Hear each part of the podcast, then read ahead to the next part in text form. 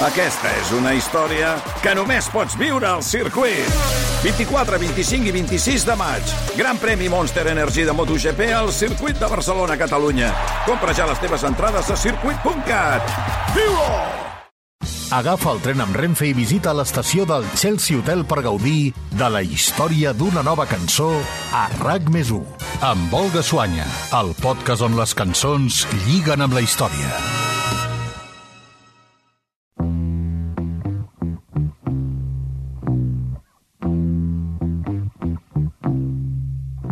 Segur que amb aquestes set primeres notes pelades ja l'heu reconegut, però per si de cas...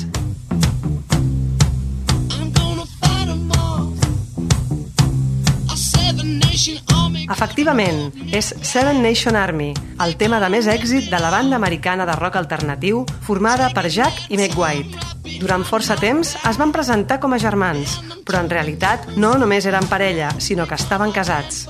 Sigui com sigui, ell posant-hi la veu i tocant els instruments de corda i ella a la bateria, van fer-se un lloc en el panorama musical dels primers anys de la primera dècada del 2000 i són els protagonistes d'aquesta nova entrega del podcast del Chelsea Hotel.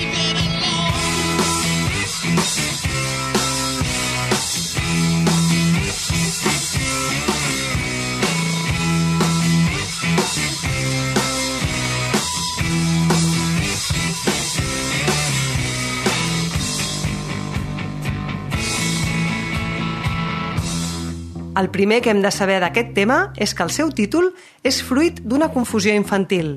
I és que Jack White, que en realitat es diu John Anthony Gillis, va agafar-lo del nom amb què ell, quan era petit, es referia a The Salvation Army, una entitat de beneficència social privada fundada a Londres a finals del segle XIX. Però, de fet, la cançó no parla ni d'un exèrcit de set nacions ni d'un de salvament, sinó que, segons va explicar el mateix líder de The White Stripes, tracta sobre les tafaneries que genera la difusió de mentides en una parella i la reacció de l'altra persona davant d'aquest fet.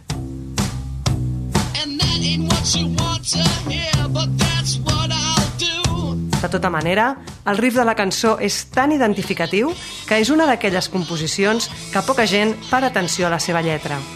Ara, quan Jack White va compondre Seven Nation Army, poc s'imaginava que aquest tema sorgit d'un malentès de la seva infantesa acabaria convertint-se en un dels himnes futbolístics més corejats.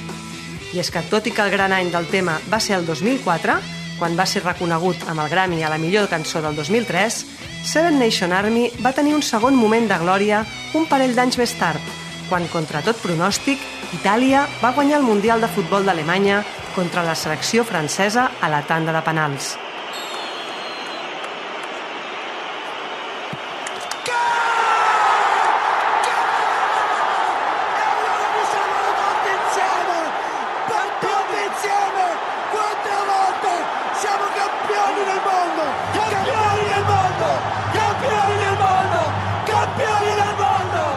Com va convertir-se la cançó d'una banda americana en protagonista de la victòria italiana? Doncs ara us ho expliquem. Ja fa dècades que és habitual que les aficions dels clubs esportius incorporin melodies de temes d'èxit als càntics que entonen per animar els seus equips.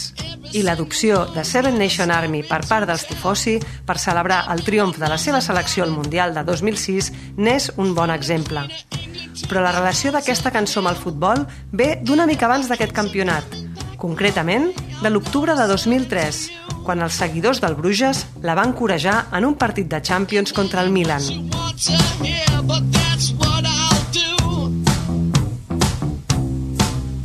Els aficionats belgues que s'havien desplaçat fins a San Siro per veure el partit havien sentit Seven Nation Army sonant en un bar just abans d'entrar a l'estadi.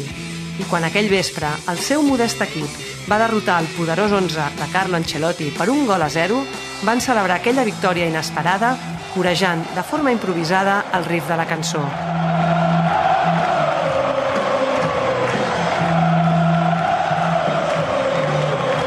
Els seguidors del Bruges van tornar a casa amb la satisfacció d'haver guanyat un partit i amb un nou himne sota el braç, un himne que des d'aquell dia van incorporar al seu repertori de càntics.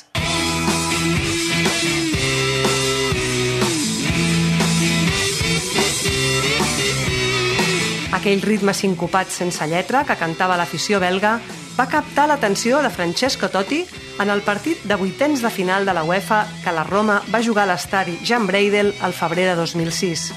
El capità italià no sabia que els càntics dels seguidors locals provenien d'un tema de The White Stripes, però va tornar a casa sense poder treure-se'ls del cap i la resta de la temporada va convertir aquella melodia en el seu himne particular. Quan aquell estiu la selecció atzurra va sorprendre tothom guanyant la seva quarta Copa del Món a l'Estadi Olímpic de Berlín, els carrers de les principals ciutats italianes es van omplir de patriotes futbolers que celebraven el títol a ritme d'aquesta versió esportiva de Seven Nation Army, aprofitant que la seva melodia s'adaptava amb tanta naturalitat a l'expressió Campioni del Mondo.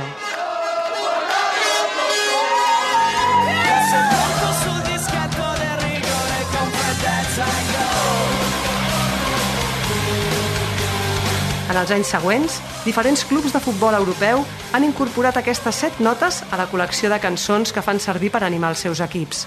No sabem si Jack White és gaire aficionat al soccer, però és evident que la incursió de la melodia de Seven Nation Army a la col·lecció de càntics futbolers ha favorit que aquesta sigui present i ben viva 20 anys després del seu llançament.